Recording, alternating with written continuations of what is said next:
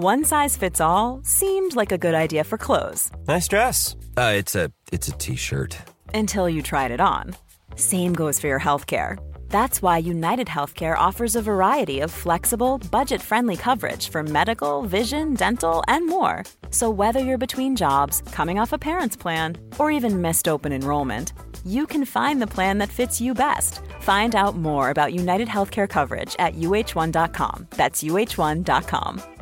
This is Paige, the co-host of Giggly Squad, and I want to tell you about a company that I've been loving, Olive and June. Olive and June gives you everything that you need for a salon quality manicure in one box. And if you break it down, it really comes out to $2 a manicure, which is absolutely insane. It's also so easy to get salon worthy nails at home with Olive and June. The difference between how your nails used to look when you did them yourself and now with the Manny system is a complete game changer. The best thing about Olive and June too is it's a quick dry. Dries in about one minute, lasts for five days, and full coverage in up to one to two coats. Visit oliveandjune.com slash perfectmanny20 for 20% off your first system. That's oliveandjune.com slash perfectmanny20 for 20% off your first system system.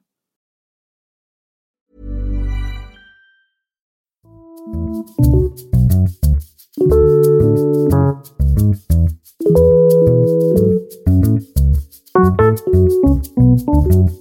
you.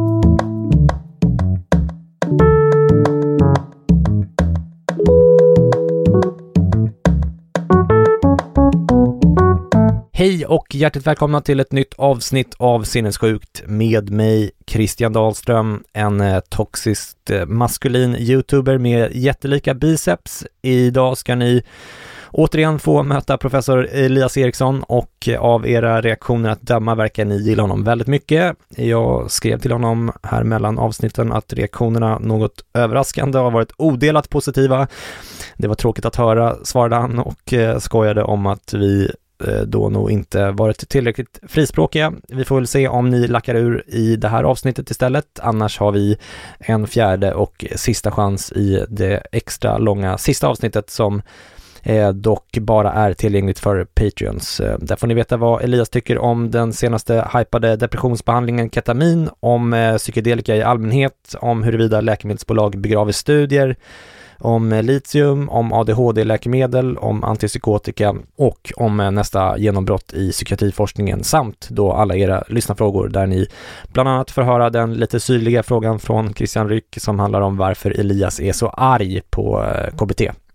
Det vill ni inte missa, det tror jag att ni inser själva. Dessutom kom ju fjärde och sista delen av Freud-dokumentären om Vargmannen eh, direkt i avsnittet efter det. Eh, Patreon.com sinnessjukt är det som gäller och eh, förutom att ni får en väldig massa supercontent så hjälper ni mig att fortsätta hålla podden vid liv. Jag sitter exempelvis nu och överväger att eh, ta mig till Oxford för att intervjua vår svenska genetikexpert Amir Sariaslan. Och om det fortsätter trilla in medlemmar som det har gjort den senaste tiden så lovar jag att göra slag i saken där. Jag har för övrigt eh, beslutat att göra samma sak som förra våren, nämligen att eh, skänka alla nya patroners första betalning till Ukraina eh, nu inför den väntade våroffensiven då Ukraina behöver allt stöd de kan få. Förra året skänkte jag pengar till Läkare Utan Gränser. I år tänkte jag skänka dem till blågula bilen som hjälper ukrainska försvaret med lastbilar och eh, förnödenheter och eh, som jag även har skänkt en slant till privat. Eh, så det värsta som kan hända om ni blir medlemmar nu och ångrar er är att ni har skänkt pengar till det ukrainska folket. Inte en spänn går till mig i så fall. I dagens avsnitt med Elias fortsätter vi att prata om antidepressiva. Ger de en ökad självmordsrisk? Fungerar de för barn? Är de beroendeframkallande? Och är det någon mening att testa nya antidepressiva om man redan har testat många olika antidepp som inte har hjälpt?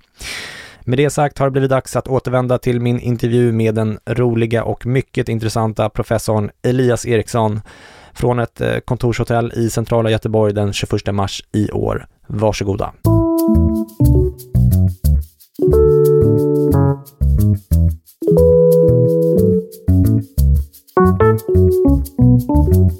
Vissa läkemedelsmotståndare hävdar att antidepressiva läkemedel kan öka självmordsrisken. Stämmer det? Det vore dumt att säga att det inte kan förekomma. Eh, för det skulle uppmuntra, jag, menar, jag vill ju att man ska följa upp sådana behandling väldigt noga och jag vill ju därför att man inte ska ta någon risk så att säga att nej, nej, det händer inte så, så Um, vore det dumt av mig. Mm. Uh, men um, för det första tycker jag inte då, jag, som jag nämnde förut, inte så imponerad av de här fallrapporterna som låter uh, ruskiga när man läser om dem på internet. Men mm. där det just är fallrapporter och mot, om man tar i beaktar att de här har ätits av flera miljarder människor mm. och det är miljard, människor som ofta har en psykiatrisk problematik nästan alltid. Eh, och så, så, så eh, det är ingen bra eh, evidensbas. Eh, om man då tittar, vi eh, kollade på detta också. Återigen, eh, Jakob, nyligen nämnda Jakob Näslund som nu håller på att bli psykiater i Göteborg. Mm, han, vi tittade då på eh, ångest-item på Hamiltonskalan. Hur ser det ut första veckan? Och vi trodde kanske att det skulle vara en liten ökning och sen en minskning. Eh, men det var, det, det, det var signifikant så att det var mindre eh, suicidskattning i SSR-gruppen redan vecka 1. Så att vi fann inget stöd för någon ångestförstärkning. Eh, detta var hos vuxna, hos barn eh, och, eller eh, hos individer under 24 år så såg vi varken, någon, varken eller. Det var inga signifikanta skillnader där särskilt. Eh, men på, hos över 24 år så var det gynnsam effekt redan från början. Och detta, det gäller då sammanslagna data på Cipramil, Paroxetin och Sertalin före oss hade eh, Gibbons som medarbetare i USA eh, gjort precis samma sak. De hade också, precis som vi, haft eh, patientnivådata som mm. man ska ha. så jag all heder åt dem och de var före oss här. Och de tittade istället på samma sak på fluoxetin och venlafaxin och hittade precis samma sak. Att de såg en, inget tecken till mer suicidskattning i, i eh, eh SSRI-gruppen eh, och en gynnsam effekt, jag tror de såg det efter vecka två, vi såg det efter vecka ett, men det är hugget som stucket. Mm. Så att eh, de data talar för att nettoeffekten åtminstone är gynnsam. Likaså finns det finns det sådana här populationsstudier där de har tittat på eh, läkemedelsregister av olika slag i USA och även andra länder. Man tittar på när man sätter in SSRI och då ser man att eh, självmordsrisken, och det är inte så konstigt, det är som störst innan man sätter in de här medlen mm, och det är mm. ju då folk kom, hamnar i psykiatrin och så, så det är mm. inte så konstigt. Eh, men man, inte heller där fångar man upp någon sån här tendens att, att, att det skulle öka risken. Men, så, men finns, visst finns det några studier där man har sett hos barn att ja, paroxetin... Ja, vi kommer till barn. Okay, okay. Jag har inte kommit till barn än. Okay. det är väldigt många år, det känner jag. Mm. Du får stoppa mig om jag pratar för mycket. Men mm, eh, eh, vad, vad, vad, vi kan säga då är att nettoeffekten är gynnsam. Mm. Men därmed har vi inte sagt att det inte kan finnas paradoxala reaktioner. Mm. Man kan ju reagerar paradoxalt på läkemedel. Det finns ju de som reagerar på bensodiazepiner tvärtom mot vad nästan alla andra gör och så. Så att eh, jag har absolut aldrig sagt att det inte kan förekomma. Mm. Eh, men eh, vi har inget stöd för att det är så. Och, eh, men jag tycker man ska vara uppmärksam på möjligheten. När det gäller barn är det en helt annan femma.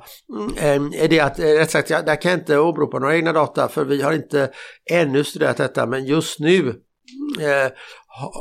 vi, vi håller på att försöka samla in, och det har varit oerhört segt, men att samla in en motsvarande datamängd på, från barnstudier och eh, patientnivådata på alla relevanta studier. Och om vi lyckas med det, och det ser ut som det ska lösa sig nu, mm. återigen, det är Alexander Lesinski i samarbete med Fredrik Ronimus som framförallt håller detta, mm, då kommer, då kommer vi att kunna besvara de här frågorna.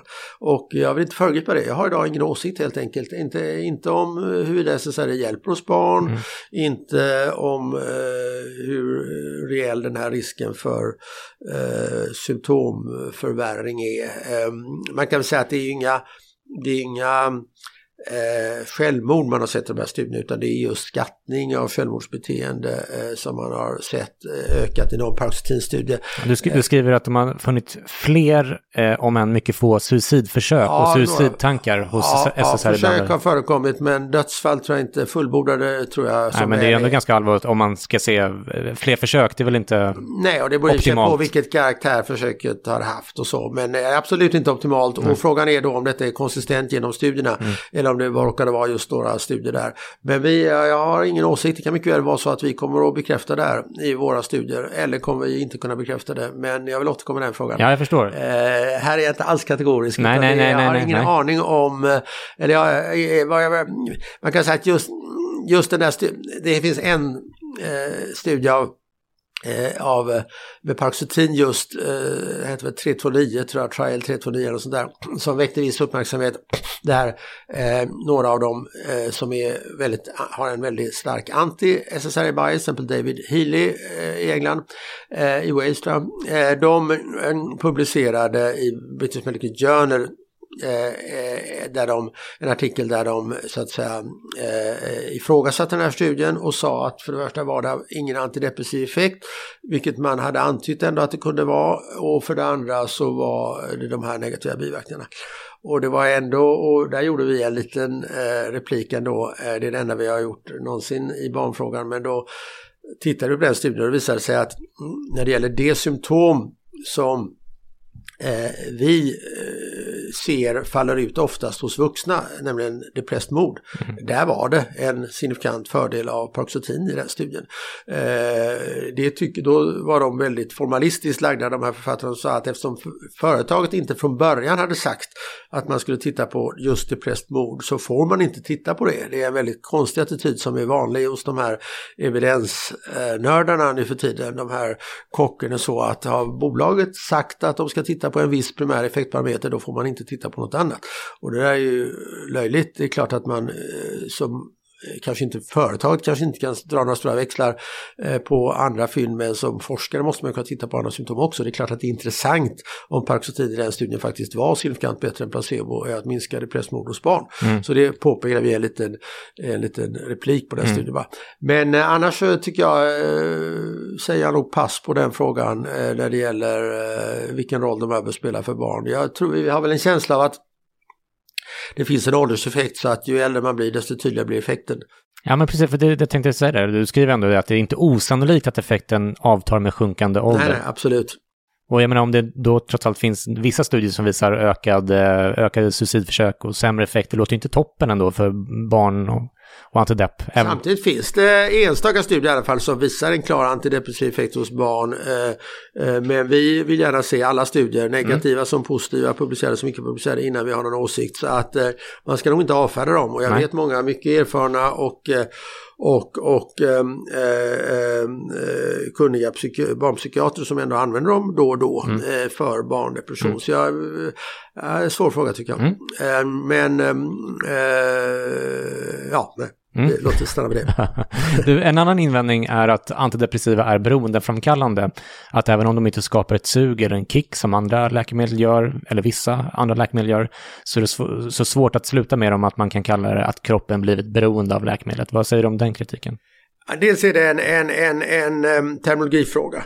För jag säger ofta då i olika sammanhang att de är inte beroendeframkallande. Och då blir folk jättearga och säger att jag hade väldiga utsättningsbesvär. Och det är då olika saker. Och jag mm. lägger i beroende det är inte så att jag tycker man ska följa DSM eller någon annan. Det finns ingen lag om hur man definierar olika tillstånd och så. Så det är inte, det är inte ens DSM i någon lag. Nej. Eller någon stentavla inhugget vad man ska tycka. Men, men eh, med beroende, jag, jag menar att beroende är ett bra ord att reservera för sånt där man sådana substanser där man har en direkt, eh, får en direkt kick när man mm. tar det, eller någon slags eufori eller lugn, ett mm. samband mellan drogintag och reaktion som du inte alls ser på antidepressiva. Mm.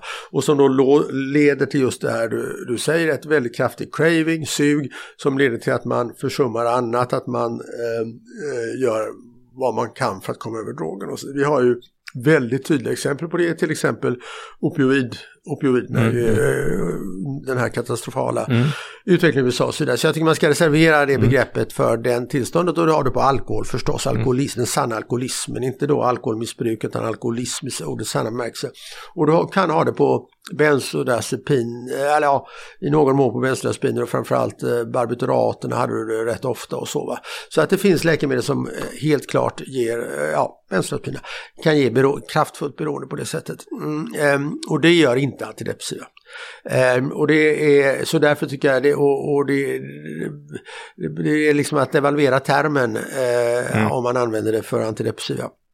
Eh, det är inte, jag är inte den första som kommer med den argumentationen, mm. men om du här ger dig ner till Femmanstorg och försöker sälja en opioid, eh, Triokomp eller vad du vill, så kommer du omedelbart hitta en svart marknad. Försöker du sälja Valium hittar du omedelbart en svart marknad. Kommer du med fickan full av Cipramil och vill sälja dem kommer du inte att få en enda kund. Eh, det finns ingen svart marknad för antidepressiva och det gör det för alla droger som har det här, den typen av craving. Eh, däremot så har man utsättningsbesvär och det är också någonting som redan Kjell Modig var väldigt uppmärksam på när han höll på med klomipramin eh, tidigt där med panikångest. Mm, och eh, för det första så är det aldrig bra att sluta abrupt utan man trappar ner ut dem långsamt. Mm, för det andra eh, är det så att eh, ofta är de här utsättningsbesvären inte just att man får en massa ångest och så utan mera lite yrsel mm. och lite ljusblixtar kan man liksom mm. se och vissa känner sig lite allmänt ruggiga och lite mm. influensasjuka och vill helst lägga sig på mm. bingen och sådär. Så att äm, det, det låter ju i och för sig lite obehagligt kanske. Ja, ja. Absolut mm. obehagligt men inte sånt att du sen går ut och, och, och, och begår kriminalitet för att komma över ett nytt paket av sin familj. Eh, det är inte liksom det. Eh, och sen finns det säkert också de som får ökad ångest och, mm. och depressivitet. Och då blir det ju alltid det här problemet är detta ursprungsåkomman som har kommit tillbaka eller är det eh, utsläppsbesvär? utsättningsbesvär? Och jag tycker absolut inte man ska mm, eh, lägga från möjligheten att det är utsättningsbesvär och eh, att eh, det kanske borde ha uppmärksammats mer i studier och sådär. Svårstuderat i och för sig, det är inget drömprojekt för forskning för det är så svårt att differentiera så. Men jag håller med, det, det, det, det kan nog vara så att man underskattat det här att det är lite vanligare. Samtidigt kan man säga att det har ju jag inte, allmänläkarna använder de här så oerhört mycket och hade det varit ett vanligt fenomen hade man ju fått en massa, hade ju allmänläkarna inte, då hade det här inte varit lätthanterliga medel. Det, vad som gör att det är så populärt i primärvården är just att de är rätt lätthanterliga. Mm. Hade det varit som, eh, jag menar det dröjde inte så länge eh, när Valium hade förekommit på marknaden att man började dra den åt sig och märkte att patienter satt fast i detta. Eh, det är ju inte samma grej med antidepressiva utan jag tror ändå att de allra flesta kan sluta ganska eh, utan större problem om man trappar ut det långsamt. Det kan man ju säga kanske, på tal om det tidigare frågan om självmord, att eh, SSRI kom på början av 80-talet, kanske brett, eh, 90-talet i Sverige lite, alltså ökade väldigt snabbt. Och sen 80-talet har man ju sett att självmordstalen har halverats i Sverige. Alltså de har ju gått åt varsitt håll. Ja. Uh, det, och det, de, det är inte förenligt med varandra om det hade varit jätte... Självklart är det så. Inte minst brukar Göran Isaksson påpeka detta. Mm. Eh, utomordentligt bra eh, forskare och psykiater, nu pensionerad. Eh, han har ju skrivit mycket om suicid mm. och jag håller helt med honom. Jag är en Isaksson-anhängare i den här frågan. Mm. Eh, kritiker som Götze, som du nämnde innan, och Whittaker har även riktat tre andra argument mot psykofarmaka som du sammanfattar i boken. Det första argumentet beskriver du så här. Antalet som sjukskrivs eller sjukpensioneras för depression och relaterade diagnoser i många länder har ökat parallellt med ett ökande användande av antidepressiva medel. Eh, är det så? Eh... Ja, det är ju så i Sverige i alla fall är det ju så. Och det, då är det bara att konstatera ju att um, sjukskrivningstalen beror ju på så väldigt mycket annat. Mm. Det är ju uppenbart så att det beror ju på ekonomiska incitament och, och, och, och socialförsäkringssystem och sånt där. Så att det, det, det går inte att um, dra några slutsatser. Om man tittar epidemiologiskt, går ut och frågar befolkningen så är det inte så att depressioner har ökat i samhället utan det är ju ganska konstant. Mm. Uh, så att det där är, det, det, det är en ganska ointressant uh, statistik mm. tycker jag. Mm. Så det är ett sånt samman. Mm. Det andra argumentet är... Men eh, däremot är detta en sak, nu får jag lite reklam för herrar Lesinski och mm. Hieronymus som jag nämnde förut. Igen. Ja, igen, ja verkligen. Jag får betalt av dem varje gång jag nämner deras namn. Eh, eh, så det är en sak vi ska titta på just också mm. om det går att se några samband mellan eh, hur ofta de som långtidssjukskrivs för depressivitet också har fått antidepressiva och så eh, och inte har fått och så. Så att eh, vi, vi, kommer inte att kunna besvara de här frågorna tydligt men vi kommer kunna kasta visst ljus över frågeställningen kanske. Mm. Det andra argumentet är, skriver du, att vi de senaste åren har bevittnat en kraftig ökning av prevalensen av vissa psykiatriska tillstånd som till exempel bipolär sjukdom och ADHD vilket författarna uppfattar som en iatrogen epidemi orsakad av antidepressiva medel och ADHD-farmaka. Ja. Vi är lite inne på samma... det är helt enkelt fel. Mm. Eh, det är bara, det är mycket enkelt, är, vi har ingen ökning av de här tillstånden. Mm. Eh, vi har en ökad diagnostisering av dem, mm. ökad uppmärksamhet, men vi har ingen, ingen ökning. Ja, du nämnde att min, min far var psykiater och jag har mycket av hans mycket omfattande psykiatriska litteratur. Jag plockade fram en, en psykiatribok från någon gång då på 50-talet där man angav eh, bipolär, det som då kallades manodepressiv sjukdom mm. som motsvarar bipolär 1 mm. idag. Och eh, angav prevalenstalen i ett antal olika länder, ett antal olika studier mm. då, eh, vilket alltså var innan farmaka hunnit slå igenom. Och så jämför jag med WHOs ganska aktuella eh, världsomspännande epidemiologiska studier och det var exakt samma. Eller ingen, ingen ökning. Och ADHD likadant. Mm. Om du frågar vår ledande ADHD-expert Kristoffer Gillberg här i Göteborg mm. så eh, menar han ju inte heller att ADHD har ökat. Eh, utan eh, diagnostiken ökar för det har kommit till ropet men faktiskt så finns det inte mycket som talar för att, att eh, prevalensen av ADHD har ökat. Eh, så det, dessutom finns det studier där man mer specifikt tittat på detta med till exempel centralstimulantia mm. och och, och, och, så och inte sett samband. Så att eh, det där kan man bara avfärda som en myt. Ja, det tredje argumentet beskriver så här. Det finns okontrollerade naturalistiska uppföljningsstudier som visar att de patienter som under uppföljningstiden konsumerat störst mängd psykofarmaka också är de som vid uppföljningstillfället är svårast sjuka. Vad säger du om det? Ja, det där är så dumt. Ja, det är ju, du skulle se precis samma sak om du tittade på till exempel diabetes. Eh, antingen eh, har du en lindrig form av typ 2-diabetes så kanske du med lite motion inte behöver ta medicin. Har du en allvarlig form så har du mer medicin och mer diabetes eh, tio år senare. Samma sak med astma, med reumatoid artrit, vad som helst. Jag, jag vill minnas, mm, jag kanske minns fel, men jag vill minnas att det var ju så att Peter Götze fick en väl, tycker jag, framträdande eh, plats i Läkartidningen någon gång och då blev det en debatt, om det var då eller om det var, men jag vet till exempel Mikael Andén försökte förklara just det här då för honom i någon slags eh, för, sån där eh, kommentatorsfält där, va? eller om det var i någon debattartikel. Mikael Andén är ju, du känner ju honom också, psykiater mm. i Göteborg. Eh, också försökt förklara just detta självklara samband, att det gäller alla sjukdomar, att, att, eh, att eh, läkemedelskonsumtion går hand i hand med sjukdomens allvarlighetsgrad. Ja. Eh, du skriver också angående kritiken mot påståendet att psykisk sjukdom och främst kanske depression är en slags kemisk obalans, att detta var en teori som skapades på 60-talet som främst, främst kritiker använder sig av idag och att Givet vad man då visste var de hypoteser som formulerades inte alls orimliga, men det var knappast ens någon som såg detta som annat än högst preliminära teorier.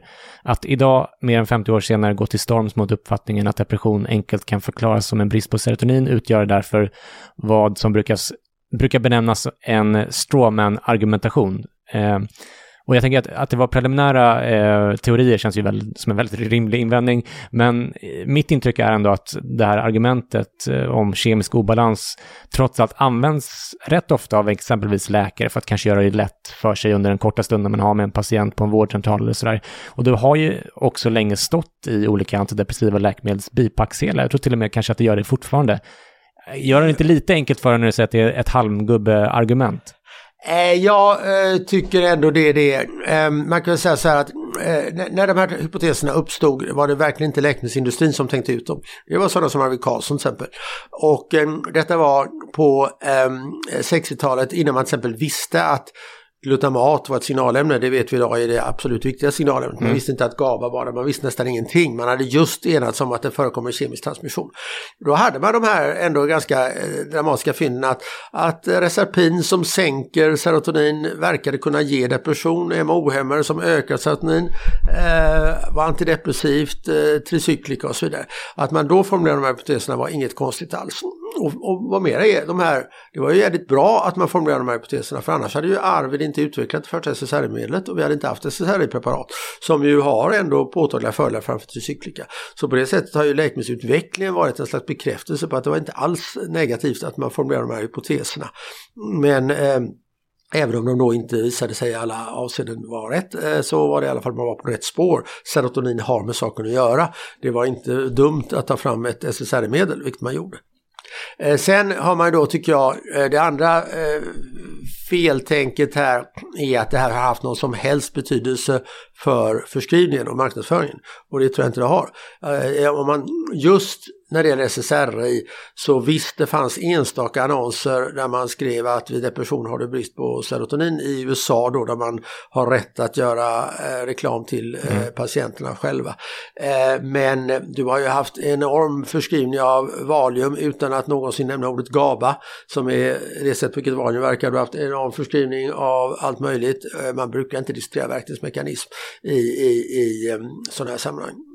Eh, eh, när man sen sitter inför en patient så är det förstås många som påverkade av vad som skrivs eh, i tidningar och så mm, får höra att eh, eh, psykisk sjukdom beror bara på dina levnadsomständigheter, livsomständigheter och kanske din barndom och sånt där.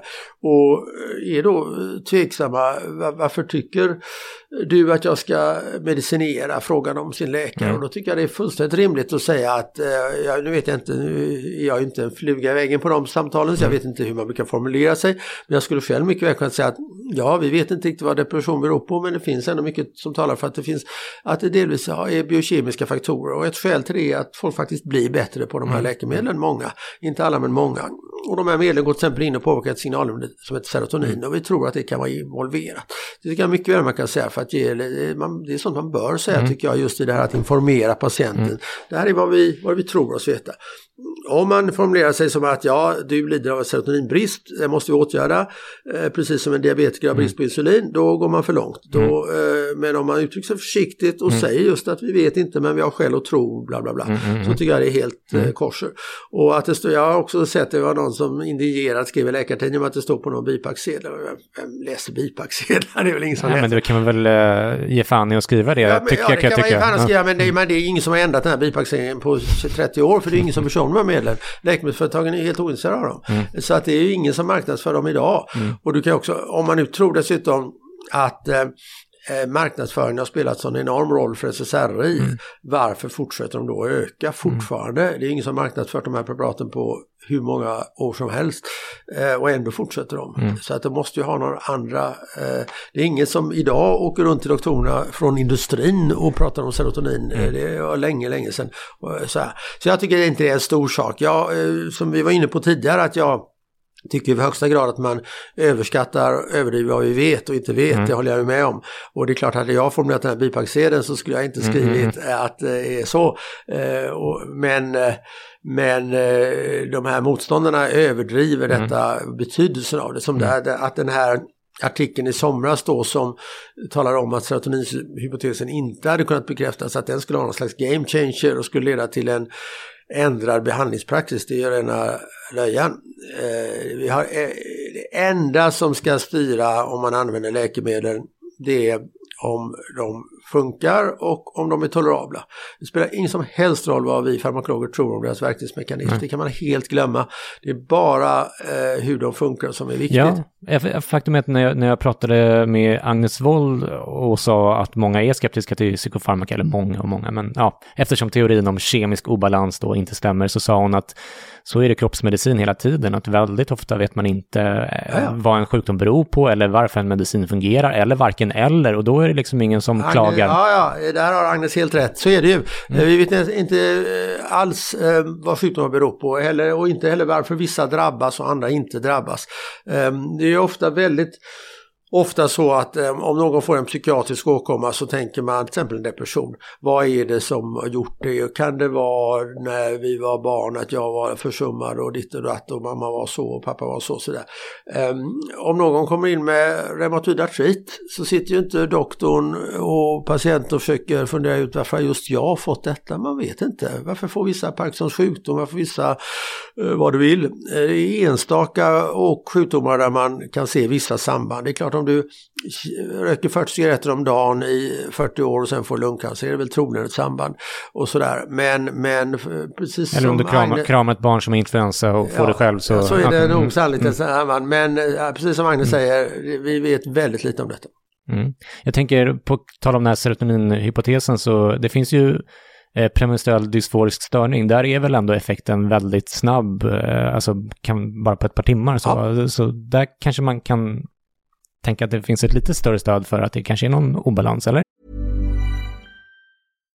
One size fits all seems like a good idea for clothes until you try them on. Same goes for healthcare. That's why United Healthcare offers flexible, budget friendly coverage for medical, vision, dental, and more. Learn more at uh1.com.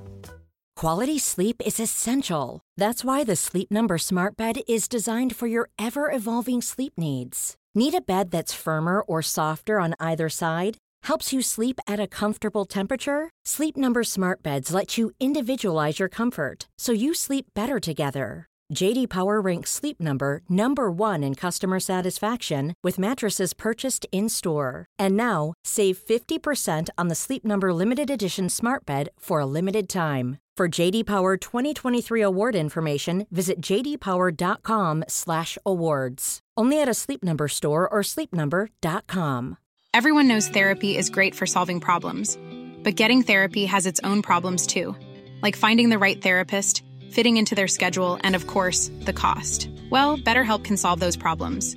It's totally online and built around your schedule. It's surprisingly affordable too. Connect with a credentialed therapist by phone, video, or online chat, all from the comfort of your home. Visit betterhelp.com to learn more and save 10% on your first month. That's BetterHelp H E L P.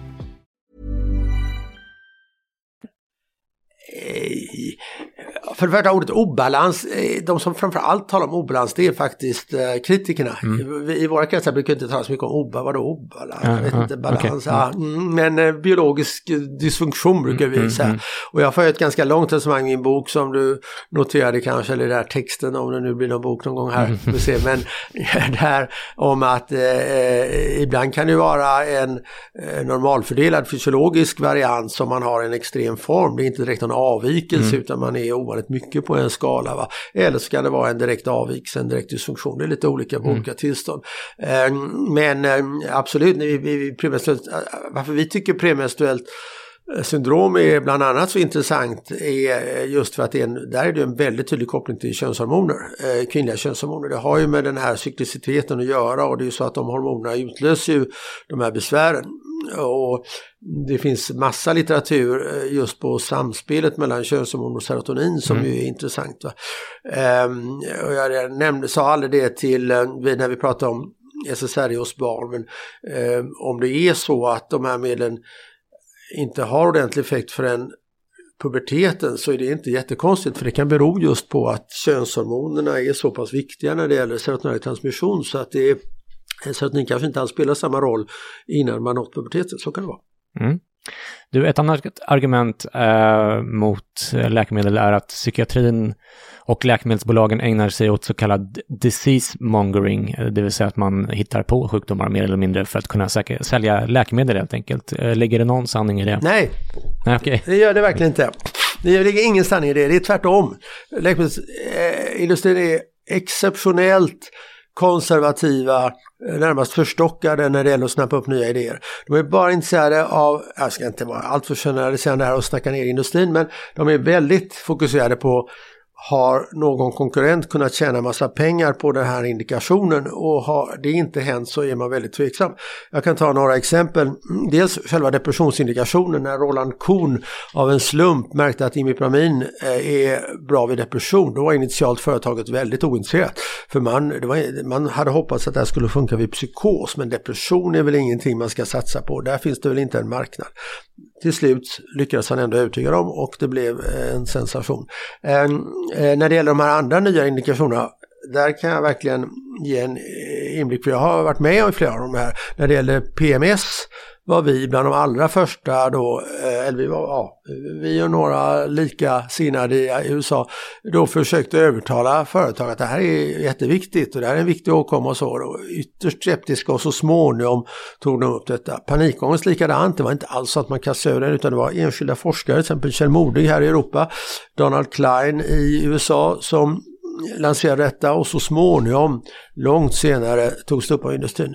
Social fobi, det har jag själv aldrig hållit på med men jag känner flera av dem som höll på med det. Det var precis samma sak där, det var enskilda läkare, psykiatrer eller forskare som gick till industrin.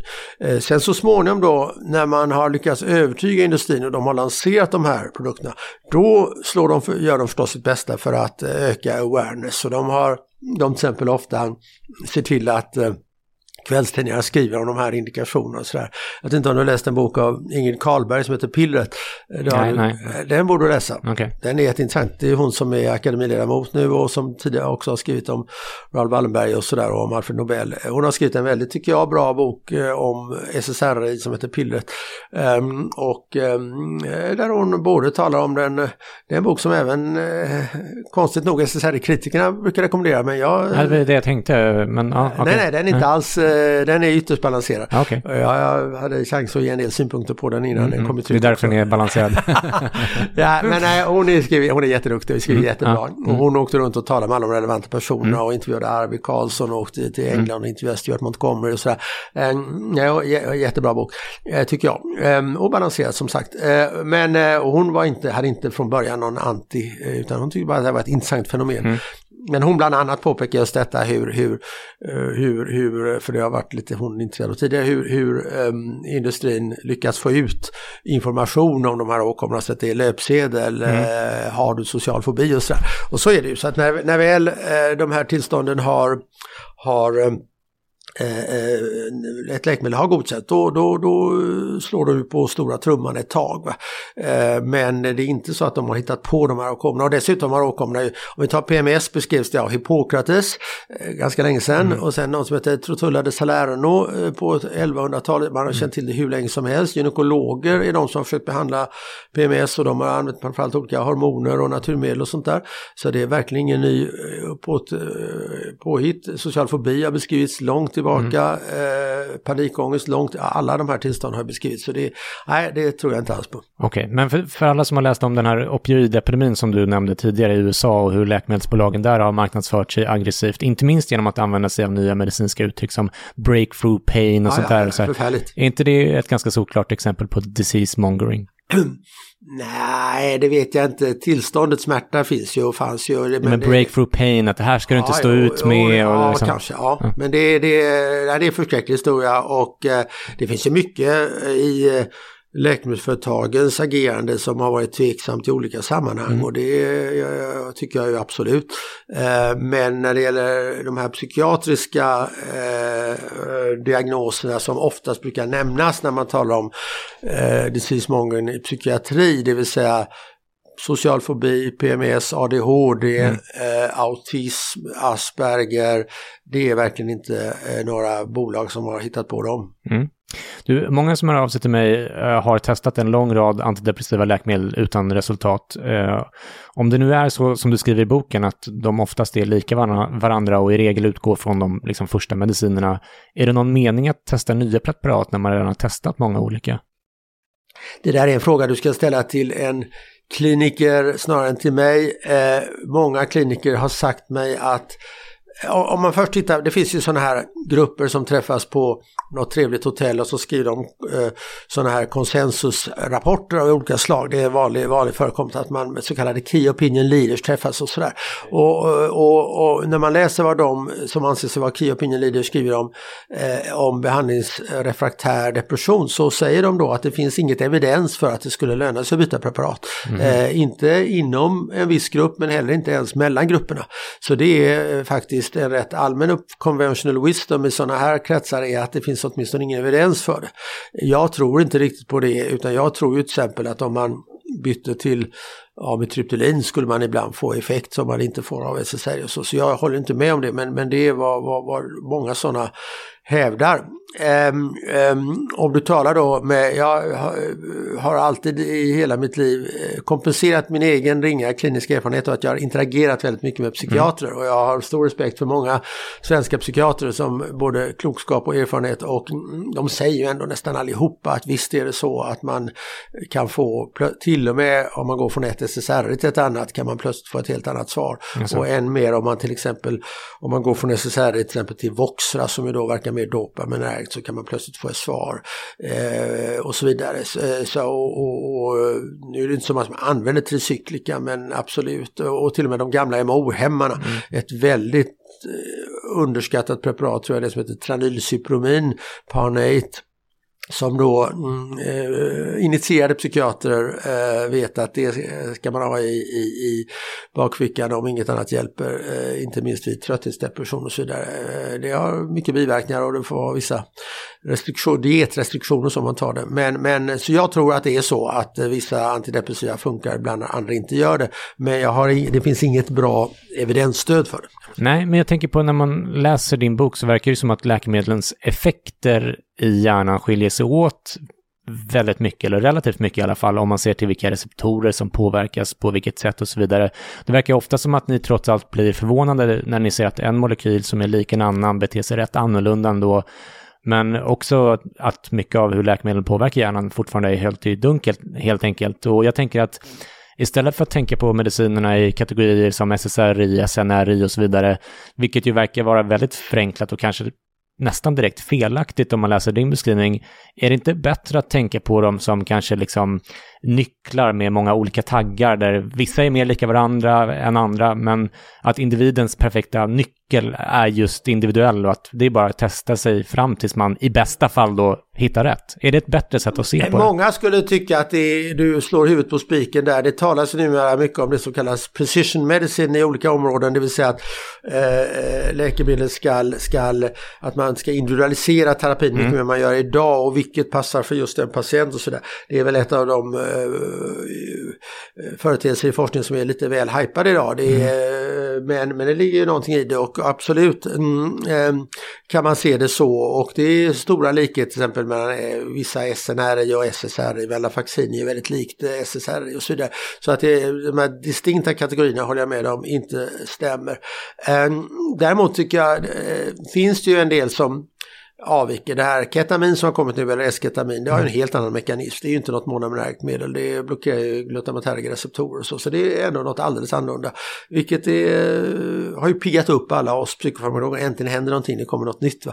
Men mm, sen är jag ändå återknyta till det här äh, att äh, vi talade tidigare om hur tidiga, primitiva och simplistiska de här teorierna från 60-talet var dopamin för mycket vid schizofreni, serotonin för lite vid depression.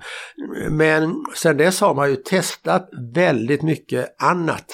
Eh, inom depressioner är det ju massa molekyler med andra mekanismer som inte har funkat, mm. inte har levererat. Och likadant inom psykosområdet, massa besvikelser. Och det som står sig när röken skingras det är fortfarande i hög grad de serotonerga medlen och mm. de dopaminerga. Mm. Så på något sätt, eh, ena, jag upphör aldrig att vara med vilken enorm tur fältet hade i början. Man hade, det fanns visserligen premisserna för att göra massa skojiga upptäckter fanns där i det att det fanns ett jättestort intresse, eh, man hade inte så mycket etiska regelverk att hålla sig till så man kunde testa vad mm. man ville i stort sett. Eh, det fanns ingenting effektivt, så vad som helst som funkade var väldigt välkommet. Eh, men ändå en ädra tur att man träffade på just de här medlen där i början. Mm. Och, och, och, och, man kan säga att det hela, om man tänker sig så här kontrafaktiska historieskrivningar, hur skulle det gått? Om, om den eh, eh, franske eh, kirurgen Laborie inte hade råkat testa eh, eh det här eh, Hiberal, klorpromazin som ett narkosmedel. Då hade han hade det inte nått psykiatrin, då i alla fall. Man hade inte förstått att det var effektivt för schizofreni. Då hade heller inte Geiger testat imipramin som de trodde också skulle vara bra vid psykos. Då hade man inte snubblat över den antidepressiva effekten av det. Då hade man inte fått SSRI-medlen. Då hade man kanske fortfarande inte haft någon behandling av tvångssyndrom, panik och så vidare. Mm. Eh, jag brukar hävda att det ska resa statyer den är, det är lite nesligt att det är en kirurg då, inte en mm. psykiater som, eller en farmakolog som, eh, utan Henri Laborie. Det borde resas en staty av honom på alla större eh, metallsjukhus eller eh, mm. mottagningar. Eh, utom honom vet jag inte hur det hade gått. Ja. Det hade väl hänt så småningom men det kunde ha dröjt dec många decennier innan detta. Och sen ja. förstås Arvid Carlsson, en ja. annan staty av honom. Men du, jag tänker att, att just litium som inte är ett läkemedel egentligen utan ett eh, grundämne, en metalljon, va? är det som är än idag i någon mening är mest effektivt kanske av alla tillgängliga läkemedel om man ser det. Men är, är det inte något av ett misslyckande för er som håller på och utvecklar nya molekyler och liksom hela tiden, att det fortfarande är... Det är, det är den he psykofarmacins heliga graal, det är att förstå hur litium funkar. Det är många ja. som skulle vilja göra det. Eh, nej, jag vet inte det, jag håller helt med dig att det eh, om man ska peka ut några psykofarmaka Eh, eh, sätta på piedestal så är det väl, eh, ska jag säga, litium, eh, eh klosapin, eh, kanske klomipramin. Eh, Sverige. De tre. Eh, så lite som hör dit, absolut. Nej, det är jättenesligt att man inte kommit på hur det verkar. Det jag ska i morgon är det väl vara, sitta med på någon sån här, när man disputerar numera så har man mittkontroller efter halva disputationstiden. Jag ska med på någon sån mittkontroll på KI imorgon som handlar just om en avhandling där man tittar på litiums eh, möjliga verkningsmekanismer. Mm. Det är många som har gjort och det, nej, det är jätteintressant. Jag skulle gärna forska mer på litium om jag hade haft, kommit in på det. Jag har tyvärr aldrig hållit på med det själv. Men jag håller bara med. Det finns ju de som tror att de har, att eh, vissa tror ju att det binder till vissa speciella eh, enzymproteiner, enzymer och så. Sådär. Eh, så att det finns ju tankar, men jag håller med dig, det finns inget eh, det är ju så med men det är också just att det är, liksom, det är väl världens äldsta ämne som uppstod vid Big Bang och att ni har liksom inte lyckats upp, överträffa det i era, era laboratorier. Nej, är det inte lite nesligt det med eller? Det möter man borde testa helium inom psykiatrin också för helium uppstod ju samtidigt och gammal är äldst säger ja. man ju. Eh, nej, jag, eh, jag, jag, jag, tycker det är jättekul hela och den historien har du säkert berört i din podd tidigare mm. så den drar inte hur man kom på det här med litium är jättekul den här mm. australiensaren och sen Morgan Scoe och sådär som jag har träffat för övrigt. Det var mycket mm. trevligt. Mm.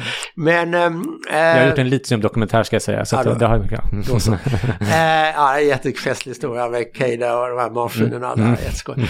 Men, men eh, nej, jag tycker bara det är festligt att vi har det och framförallt är det fantastiskt bra medicin. Mm. Och det är ju överallt där det görs epidemiologiska studier så är det ju två saker som slår en. Hur bra klossapin är och hur mm. bra litium är. Till exempel gäller sån, sån väldigt tydligt utfallsmått som död. Mm, mm, du sa tidigare idag att Schizofrena dör mycket tidigare än mm. andra men klozapin förlänger faktiskt livet ja, trots även minskar bisarrt nog risken för kardiovaskulär död trots mm. att det är metabolt syndrom. Mm. Eh, jättekonstigt men eh, så är det.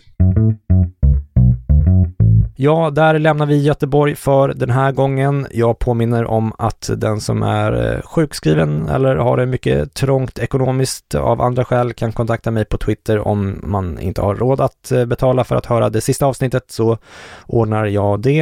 Eh, ni andra gör som över 250 anständiga människor har gjort innan er och blir patroner på den nivå som passar er plånbok. Jag kommer för övrigt att föreläsa lite grann framöver. Följ mig på Twitter om ni vill veta mer. Jag ska bland annat till eh, Orsa nu den 16 maj. Eh, men följ mig på Twitter som sagt så håller eh, ni er uppdaterade om ni nu vill se mina jättelika biceps IRL så att säga. Okej, ta hand om er nu så hörs vi snart igen. Puss och kram, hej då!